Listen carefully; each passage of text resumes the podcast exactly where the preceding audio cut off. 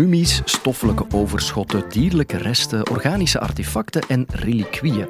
Archeologen kunnen perfect meten wanneer hun vondsten hebben geleefd of werden gemaakt. En dat met een speciale techniek, koolstofdatering.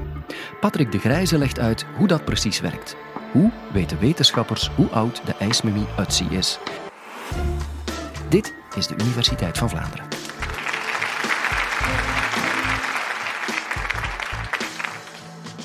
De ijsman Utsi, de oudste menselijke ijsmummie in Europa, die stierf ergens tussen 3365 jaar en 3041 jaar voor Christus.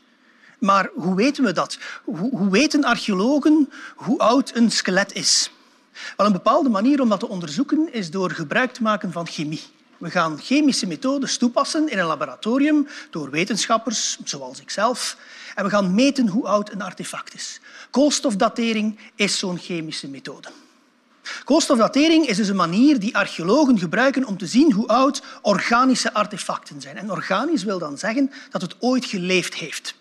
Dat kan gaan om menselijke resten, maar evengoed om zaadjes van planten of om een houten balk eh, in een huis.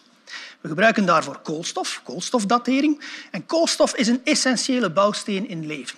Koolstof wordt door alle levende wezens gebruikt om hun cellen te maken. Maar hoe komt die koolstof nu in dat organisme terecht?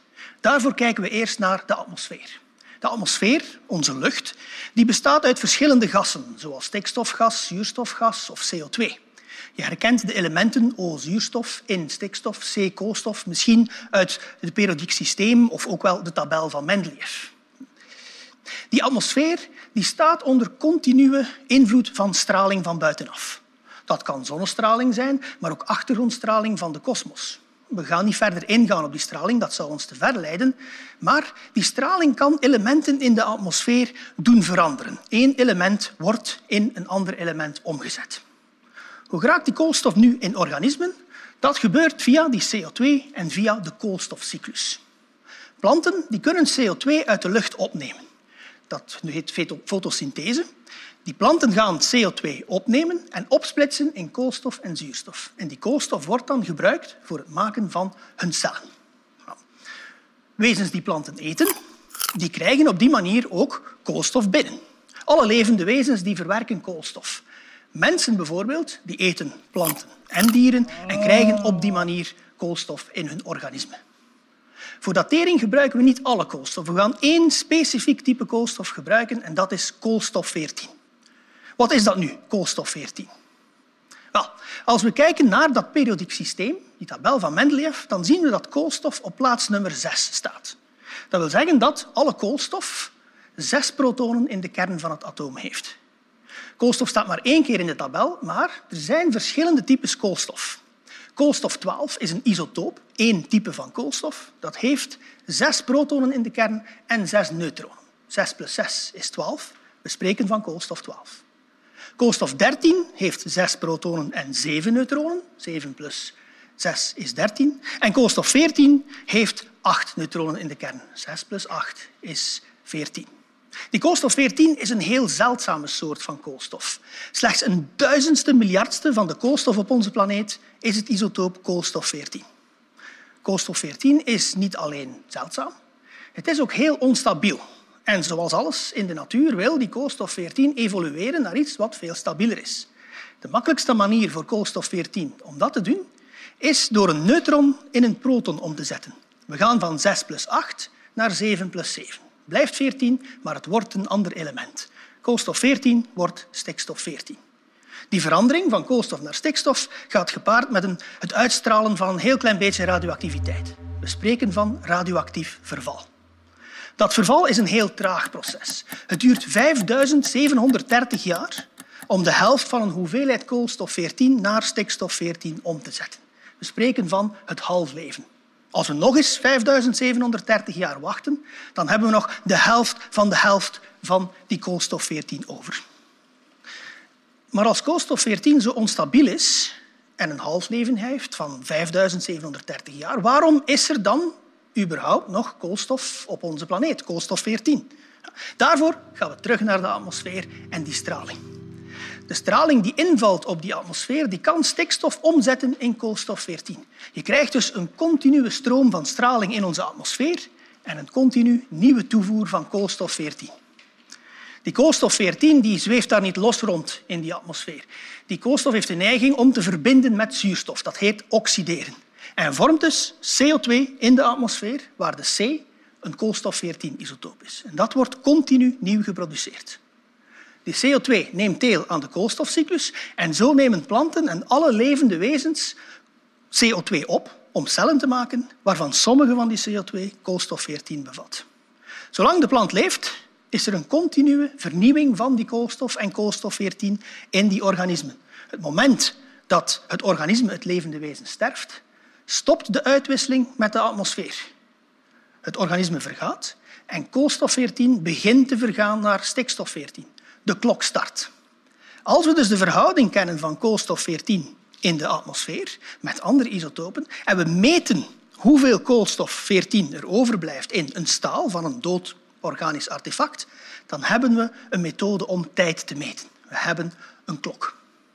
Hoe gaan we nu meten hoeveel koolstof-14 er in een organisch restje zit?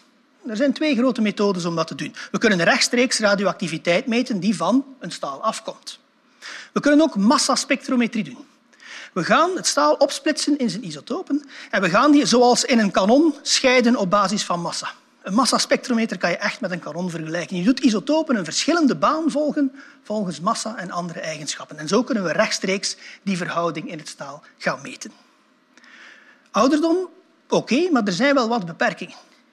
We kunnen een organisch artefact dateren, meten hoe oud het is, enkele tientallen jaren vanaf zijn dood tot ongeveer 70.000 jaar terug. Waarom? Er moet al genoeg koolstof-14 vervallen zijn naar stikstof-14 om een verschil te zien met die verhouding in de atmosfeer.